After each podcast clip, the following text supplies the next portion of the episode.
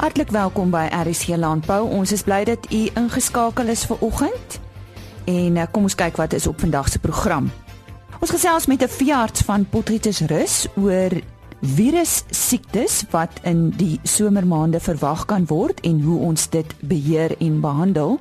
Ons gesels verder met Afma oor mylpale en vooruitsigte vir die veevoerbedryf. Die bestuurende direkteur van NWK, Dani Mare, lê die tuig neer aan die einde van November en ons het by hom gaan inloer. So moenie weggaan nie.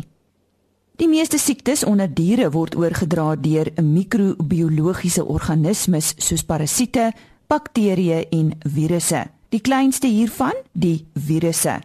Van die interessante feite rondom virusse is dat dit slegs op 'n lewendige sel kan groei en vermeerder en dat dit ongevoelig is vir antibiotika.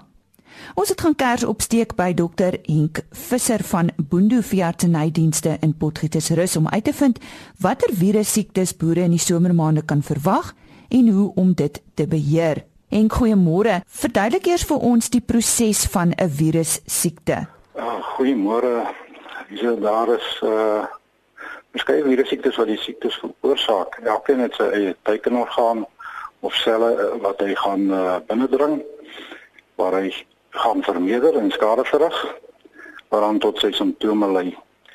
Uh van sommige kan die diere herstel soos uh, die daardie siekte, mopvel siekte en vratte en in ander is die skade so ekstensief en fataal dat dit dadelik uh dat dit dodelik is soos byvoorbeeld hondstolheid. Afrikaanse perdesiekte kan uh, weer wissel van uh, net 'n koors tot die dinkopvorm wat dodelik is binne ure. Virusse kan nie self vermeerder nie net nodig om in die dierselle binne te dring en oor te, en dit oor te neem en om te vermeerder. Die daar deur dit beskadig en vernietig hulle die selle en weefsel en dring meer weefsel in.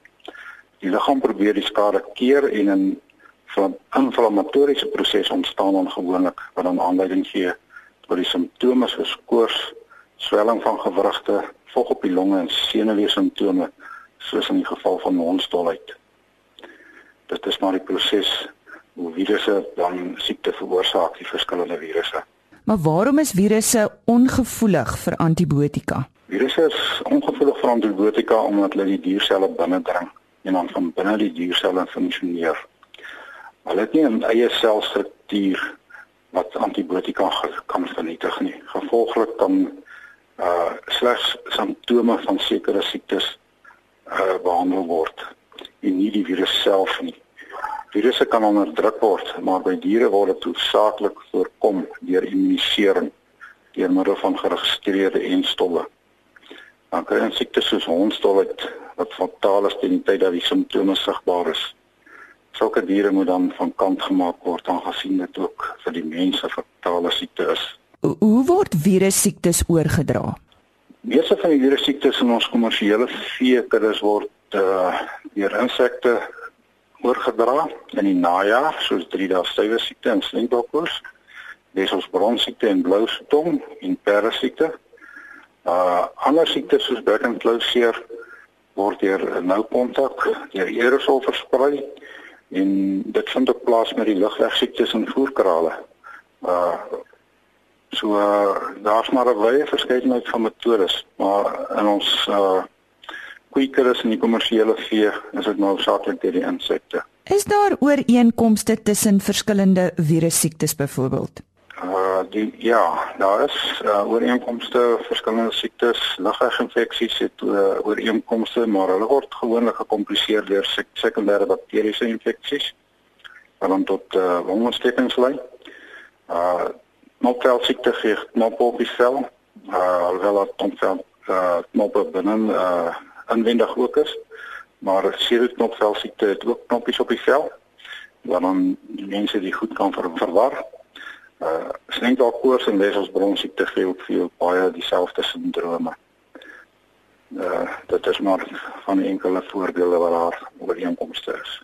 Ons gesels nou oor hierdie somermaande wat verwag kan word uh, in in terme van virussiektes. Wat dink jy? Wel, elke somer uh, wat ons nou oorheen het, kan ons insekoorgedragte virussiektes voorkom. Uh ons kry maar die op op uh, opbloei van ons insekte in die najaar en uh, dan kan ons maar die siektes kry wat deur die insekte kom. Dit is maar uh, gewoonlik in die uh, drie dae stywe siekte kom gewoonlik voor. Dit is minder opvallend gewoonlik. Uh die meeste van die uh diere kom word siek en uh is gaan meer 'n ligter siekte en dan mense uh merk dit op. Dan die ander is maar uh sengkalkoors kan voorkom as dit baie nat word. Is ons bronsiekte kan voorkom. Dit is maar jou insekgedragte siektes, parasiete gevalle sal ons weer kry. Mens die nodige voorsorg voor vroegtydig tref dan uh behoort dit nie 'n groot probleem te wees nie. Ja, as ons nou so praat van voorsorg, dan kom dit nou by behandeling. Wat uh, stel jy voor? Wel, voorkoming is beter as is die beste behandeling wat mens kan doen. Uh om vroegtydig te eind uh sal ons uh, stormloop vir enstof voorkom. Maar uh, is nie iets anders wat ons reg kan doen nie. Voorkoming moet maar gedoen word. Ek het daar gesels met dokter Enk Visser van Boendo Veeartsenydienste in Potgietersrus. Ons het gisteroggend 'n onderhoud uitgesaai wat Martie Kerstyn gehad het met De Wet Boshoff. Hy is die uitvoerende direkteur van Afma of die Animal Feed Manufacturers Association. Vandag gesels hy verder met hom oor die stand van die Suid-Afrikaanse veevoerbedryf in 2016, die mylpale wat hulle bereik het en belangrike aksieplanne en projekte vir 2017. Aan die woord De Wet Boshoff. Suid-Afrika bekleed tans die 21ste posisie op die wêreldranglys uh van volume voere wat geproduseer. En dis natuurlik uh ons praat van die F4, die vier grootes uh China natuurlik is nommer 1, daarna die FSA en dan ook die gesamentlik die EU en dan Brasilië. Dis dit dit vorm die die Big 4 En dan natuurlik individueel is daar lande wat meer voer as ons produseer. Ons het die enigste 21ste posisie. As jy kyk na die vlakke van van uh, gevorderdheid van uh, tegnologie binne ons fabrieke, ek dink ek het 'n paar van die fabrieke redelik wyd internasionaal al besoek. Suid-Afrika se tegnologie en ook hulle fabrieke as ook bestuur is gelykstaande aan die beste in die wêreld. In sekere gebiede is ons al 'n paar stappies voor hulle. Uh natuurlik waar ons uh, na moet kyk in Suid-Afrika, as jy na 'n tipiese fabriek in Europa gaan kyk, word dit deur baie minder mense bestuur. So hulle is baie meer gemekaniseerd. Suid-Afrika gebruik 'n bietjie meer mens mense of hande arbeid in sy uh, vir vir die proses. Maar as jy kyk na tegnologie vlakke en gevorderdheid is ons op standaard met die beste nie. In 'n netedop vir volgende jaar, wat is hoog op afmassa agenda in terme van uitdagings en dalk mylpale wat jy wil bereik?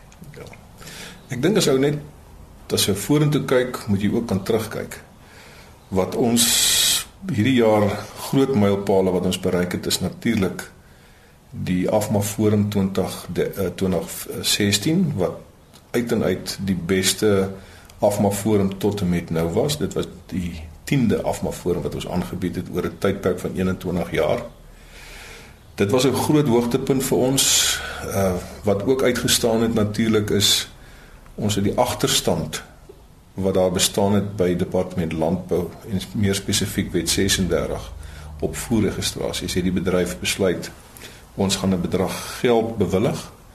Ons het uh onafhanklike konsultante ingebring om die proses te bewerkstellig. Ons het die agterstand weggewerk en ons is nou weer op paar met 4 maande voerregistrasie tydperk en ons wil dit graag so hou. Maar as mens ook vorentoe kyk, is die grootste uitdaging wat ons graag sal wil bereik is die nuwe feedsbill waarmee ons tans mee besig is om daai wetgewing te finaliseer definitief. Ons wil poog om dit in 2017 20 begin 2018 af te handel.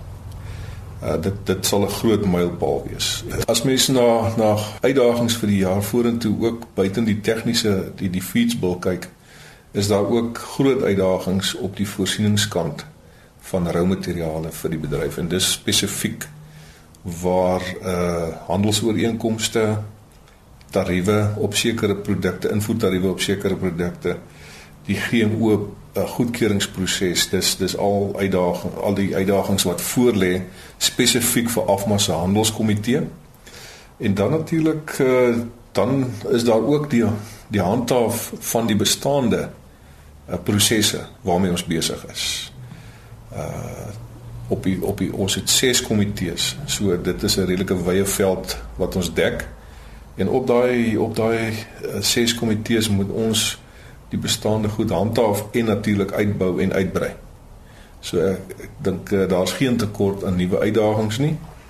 En wat wat goed is van van hierdie bedryf is daar's 'n groot gros passie vir die bedryf. So dit bly vir ons uh, nog steeds lekker al is daar 'n klomp uitdagings. Die ses komitees uh, of werkkomitees van Afma is hoofsaaklik ons tegniese komitee uh, wat alle tegniese aspekte hanteer. Onder daai tegniese komitee is daar 16 subkomitees wat wat alle aspekte van die tegniese aspekte binne die tegniese uh, dek. Dan het ons ook afmasse handelskomitee wat meer kyk na die voorsieningskant van rou materiale en insette tot die voerbedryf. Handelsooreenkomste, tariewe en en die kan ek sê die omgewing skep hoe ons kan invoer en uitvoer om die kan ek sê die ketting vol te hou van produk. Dan het ons 'n afma bemarkingskomitee wat meestal kyk na alle kommunikasiemiddels en dit sluit die afma matriks in. Ons kwartaallikse tydskrif wat ons publiseer dit sluit in ons webwerf ons sosiale media en alle bemarkingsmateriaal na buite. Dan het ons 'n afma wetgewingskomitee wat na alle wette en uh, wette kyk wat spesifiek impakteer op die voeromgewing. Dan het ons natuurlik 'n uh, uh, skills development komitee wat meestal kyk na opleiding. Ons het besig met 'n met 'n program wat ons geskryf het, opleidingsmateriaal wat ons geskryf het. Ons is in die proses ook om dit te akkrediteer by Universiteit van Pretoria. Dat die tweede been van die opleidingsgedeelte waarmee ons besig is, ons wil is in die proses om ons voetwerk reg te kry om 'n opleidingsvoormele op te rig by uh, Universiteit Pretoria se proefplaas wat wat die universiteit natuurlik of die finalejaar studente baie gaan help hoe om voer te formuleer en ook prakties dan ook hulle kan ek sê uh, vervaardigingsprosesse kan kan kan ek sê uh kan oefen binne hierdie voermeletjie. En dan natuurlik het ons 'n bestuursinligtingskomitee wat meestal met statistiek werk wat gebeur in die land in die omgewing van voere. Ons gaan ook om verder uitbrei om om uh, benchmarking te doen soos die Engelse term sê oor sekere kostekomponente van wat kos sekere dissiplines of kostekomponente om byvoorbeeld wat kos 'n ton voer om te produseer en dit is 'n gemiddeld uh, wat ons dan sal publiseer in randwaarde per ton Ons kyk na vervoerkoste, ons kyk na produksiekoste, versakkingskoste, verpillingskoste wat maar meer spesifiek op die produksie omgewing van toepassing is. En dan binne daai bestuurs uh bestuursinligting werkgroep gaan ons ook kyk uh na die afmaakprofiel as ons byvoorbeeld met die regering onderhandel. Moet hulle ook presies weet wat verteenwoordig ons hoeveel materiaal, rou materiale gebruik ons, hoeveel water gebruik ons, hoeveel krag gebruik ons. Hoeveel werksgeleenthede verskaf ons direk, indirek. Dat nou daai oefening is ons reeds mee besig dat ons enig enige tyd na buite kan publiseer. Dit is die Afrikaanse Suid-Afrikaanse voerbedryf se profiel. Dan maak dit dinge soveel makliker as die die man oor die tafel vir jou kan kan presies weet met wie praat jy en vir en wat ons verteenwoordig. Môreoggend gesels Martie Kerstyn verder met die Wetboshof oor die veevoerbedryf en die impak wat die droogte gehad het. Die bestuurende direkteur van NWK, Dani Maree, lê die tuig aan die einde van November neer. Ons het dit goed gedink om met hom te gesels oor sy loopbaan in landbou en natuurlik sy pad vorentoe. Hy vertel Dankie Lize. Ek dink dit is 'n voorreg om met jou te gesels. Ek luister baie keer na jou program vroeg in die oggende. Dis mos maar wanneer die boere wakker word. So ek gaan jou so 'n bietjie op 'n reis neem van ehm um, my loopbaan dalk maar so by drie plekke wat verwant is aan landbou. Ehm um, waar ek die meeste van die tyd my my loopbaan gespandeer het. Nou eerstens was ek verbonde aan Tongaat Staats. Hy was voorheen bekend as African Products vir ongeveer 20 jaar. Ek dink dit was die langste stretch in my loopbaan by een maatskappy. Nou die maatskappy vervaardig stysel en glikose uit mielies. En in die tyd het daar wesenlike veranderinge uh plaasgevind in die landbou en natuurlik ook op die politieke landskap. Nou in die vroeë 90's het ek die natmaal industrie verteenwoordig op die mielie advieskomitee wat nog daai tyd deur die minister aangestel is waar die regulering van die industrie onderhandel is en uiteindelik gelei het tot die vrye markstelsel wat ons vandag ken. Uh gedurende hierdie spesifieke tydvak het uh, Tongaat Starch begin met die beplanning van 'n nuwe vervaardigingsaanleg, uh, sogenaamde greenfields ontwikkeling waarby ek nou betrokke was en het dit die maatskappy genoop om anders te kyk na hoe en waar hy sy ongeveer 700 000 ton mielies per jaar gaan aankoop en waar die beste areas sou wees om die aanleg te bou. Nou die ontwikkeling van die aankoopstrategie en die betrokkeheid by die uitvoerbaarheidstudie en die uiteindelike bou van die aanleg was sekerlik een van die opwindendste en hoogtepunte in my loopbaan.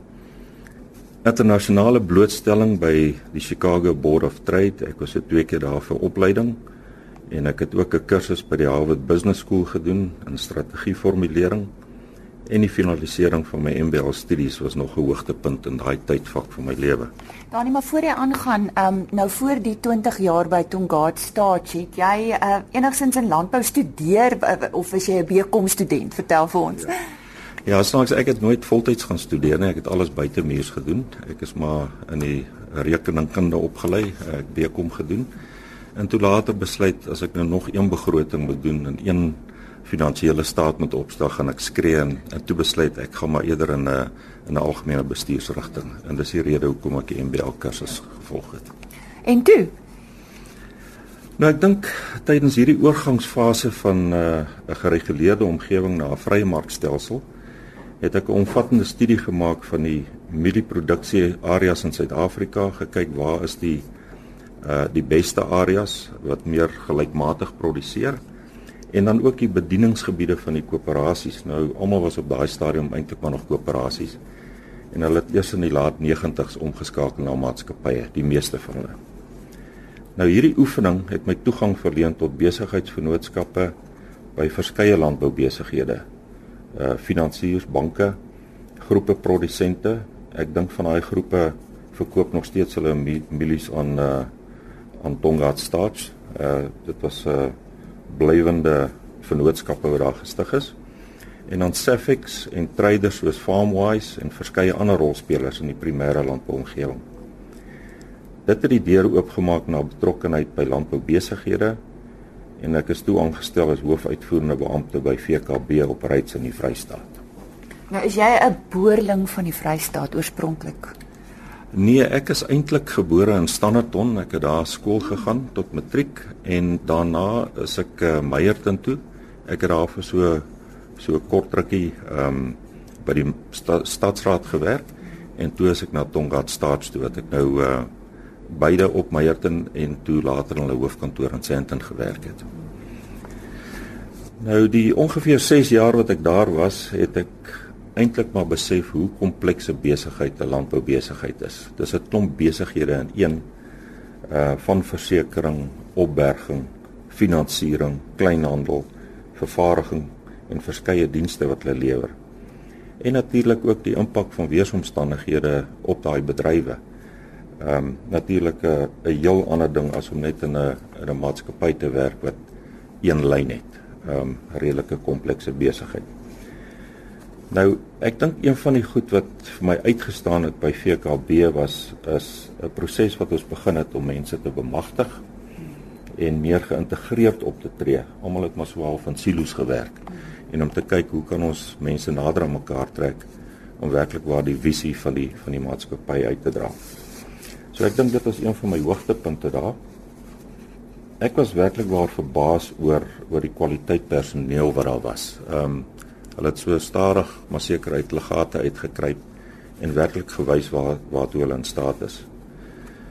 Nou gedurende hierdie tyd het ons begin met OVK onderhandel om die twee ondernemings saam te voeg wat na my mening 'n goeie gediversifiseerde maatskappy tot stand sou bring.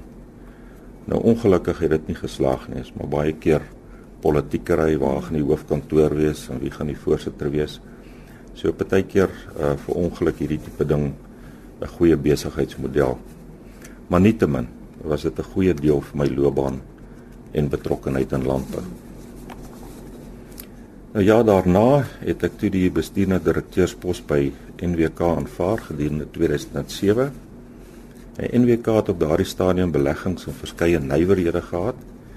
En dit was een van die doelwitte wat deur die direksie gestel is om die komponent van die besigheid te groei.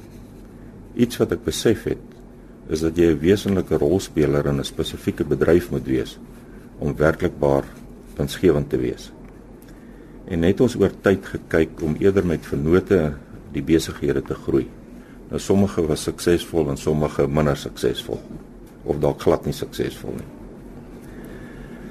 Ons het in 2008 gekyk na 'n nuwe geleentheid en ons geïnvesteer in die hoenderbedryf waar ons 800 000 kykens per week verskaf aan die industrie. En hierdie was 'n hoogs suksesvolle belegging. Ek moet sê uh dis een van van die ehm um, projekte wat ek by betrokke was wat binne die tydsraamwerk en binne die begroting klaar gemaak is. Ook maar net net, maar nietemin dit was 'n dit was 'n goeie goeie projek. Nou, um, ek verneem NWK is al 'n paar jaar oud ook. Ja, ek uh, ek dink dit was een van die hoogtepunte ook in die tyd wat ek hier was. Hy uh so 2009 100 jaar oud geword. En ek dink dit was een van die hoogtepunte. Ons het werklik waar Ons het 'n boekie uitgegee oor die geskiedenis van van NWK en ek moet sê dit was 'n dit was 'n wonderlike jaar om om daar te wees. Nou een van die hoogtepunte uh was natuurlik daai 100-jarige bestaan van NWK. Ons het ook in die tyd beleggings gemaak in Botswana en Zambië. Uh wat natuurlik ook nie sonder sy uitdagings is nie. Ehm uh, sommige nog nie winsgewend nie, ander wel winsgewend maar dit bly 'n uitdaging, maar ek dink dit was die regte besluit op daai tyd om wel uh daar 'n belegging te maak. Nou ek moet sê die eerste paar jare in die tuig was van die beste jare in NBK se geskiedenis. Nou nie deur my toe doen nie. Ek dink dit was hoofsaaklik as gevolg van goeie landboutoestande. Maar die laaste paar jaar as gevolg van droogte en swak prestasie van sommige filiale was van die swakker jare. En ek dink op die stadium is ons produsente onder geweldige druk, finansiële druk wat natuurlik ook 'n wesenlike impak het op NWK en sy vermoë om hulle te help. So ek dink dis een van die laagtepunte hierdie afgelope paar jaar se droogte en ek dink ons almal besef wat se impak dit het. Kom ons gesels oor landbou in Suid-Afrika so 'n bietjie vanuit 'n persoonlike oogpunt. Ja, my persoonlike mening is dat uh, konsolidasie in die landbou moet plaasvind. Ehm uh, marges neem af uh produsente word groter en hulle begin by landbou besighede verbygaan en jou vaste koste bly styg, hoofkantoor koste ensovoorts. En vir die rede was ek teleurgestel dat die ouer maatskappye van NWK en Senwes se transaksie uh so jare wat gelede nie geslaagd was nie. Ehm um, dit was baie naby uh die stemming, maar ek dink dit sou 'n uh, 'n uh, 'n baie goeie besigheid gewees het wat nog in produsente se hande is maar waar mens koste dalk 'n bietjie kon kon afbestuur het. En ek moet sê dat my loopbaan tot op hierdie stadium ek het baie geniet het en ek sal werklik waar die mooi herinneringe saam met my neem. Hmm. En seker die mense, né? Die mense is dis vir my vir my klink, um, jy het al vroeër daaroor gepraat dat uh, jy was verbaas oor die kwaliteit van personeel. So so jy's 'n mensemens. Ek is nogal, uh, miskien kan ek dit maar net byvoeg. Ek het in my MBA's verhandeling wou ek nie iets oor finansies doen nie wat eintlik maar uh, my agtergrond is. En ek het uh, my verhandeling geskryf oor uh, wat is die impak van ehm um, mense en bemagtiging van mense op die struktuur van besighede. As mense hulle bemagtig, ehm um, dan haal dit 'n klomp dinge af van senior bestuur waar hulle verantwoordelikheid neem. En ek is nog steeds oortuig dat dit die regte regte ding is. En Danie, die vraag is wat nou? Ja, 'n mens ehm um, dink nie altyd uh voordat 'n mens nou by daai punt kom wat jy moet gaan ehm um, oor wat wat lê voor nie, maar ek dink ek het my oor tyd gereed gemaak. Ehm um, ek het 'n uh, paar stokperdjies wat ek my mee besig gaan hou, maar dis om meer hande werk, maar ek moet die kop ook besig hou. Ehm um, en ek gaan vir eers dalk maar net gewoond raak aan die feit dat ek nie meer elke dag hoe werk toe te gaan nie. Ek gaan ook 'n huis bou in hierdie volgende paar maande uh, op 'n ander dorp. Dis 'n eiendom wat ek nou lankal gekoop het, so dit gaan my vir 'n paar maande besig hou. En is nogal vreemd dat nadat die nuus nou bekend geraak het, het ek 'n paar oproepe gekry van mense wat my graag wil gebruik in een of ander rol. En ek gaan dit maar eers baie sorgvuldig ehm um, bekyk en besluit uh om wel weer betrokke te raak. En ek dink net 'n mens moet in jou tweede helfte van jou lewe moet jy terugploeg dit wat jy ontvang het in jou eerste helfte van van van jou loopbaan. En dit sê dit geld is of kennis is of betrokkenheid by gemeenskappe en dit gaan ek graag doen. Ek graag om jy af te sluit. Ek is seker daar's baie mense wat groot invloed op jou lewe gehad het en mense wat jy dalk in die volgende paar maande nie gaan sien nie, wat jy dalk sal wil groet, so hier's jou geleentheid. Ja, dit is uh, ek het nou nog nie so daaroor gedink nie, maar ek dink al die rolspelers in landbou, ehm um, ek was betrokke by Agbus. Ehm um, ek gaan nog ek gaan nog daarby betrokke bly. So ek gaan hulle nie werklik waar nou groet nie. Maar dalk al my kollegas en ons direksie en ons produsente by NWK waar ek nou 9 jaar spandeer het, ek gaan hulle mis en uh, ek wil vir hulle sê voorspoed vir die toekoms. Ek ek ek dink ons lewe in 'n land met baie uitdagings, maar daar's ook baie mense wat sal kom met die oplossings. En ek hoop werklik waar ons gaan die reën kry hierdie jaar wat alle verwagtinge oortref. Dit was dan Dani Maree van NWK wat die einde van November uittreë. Dis dan al vir vandag. Môreoggend natuurlik ons gesprek oor 'n briselose En soos ek vroeër genoem het, die Wetboshof gesels verder oor die veevoerbedryf en die impak wat die droogte gehad het. Totsiens. RSG Landbou is 'n produksie van Blast Publishing. Produksieregisseur Henny Maas. Aanbieding Lisa Roberts. En uitskoördineerder Martie Kerstyn.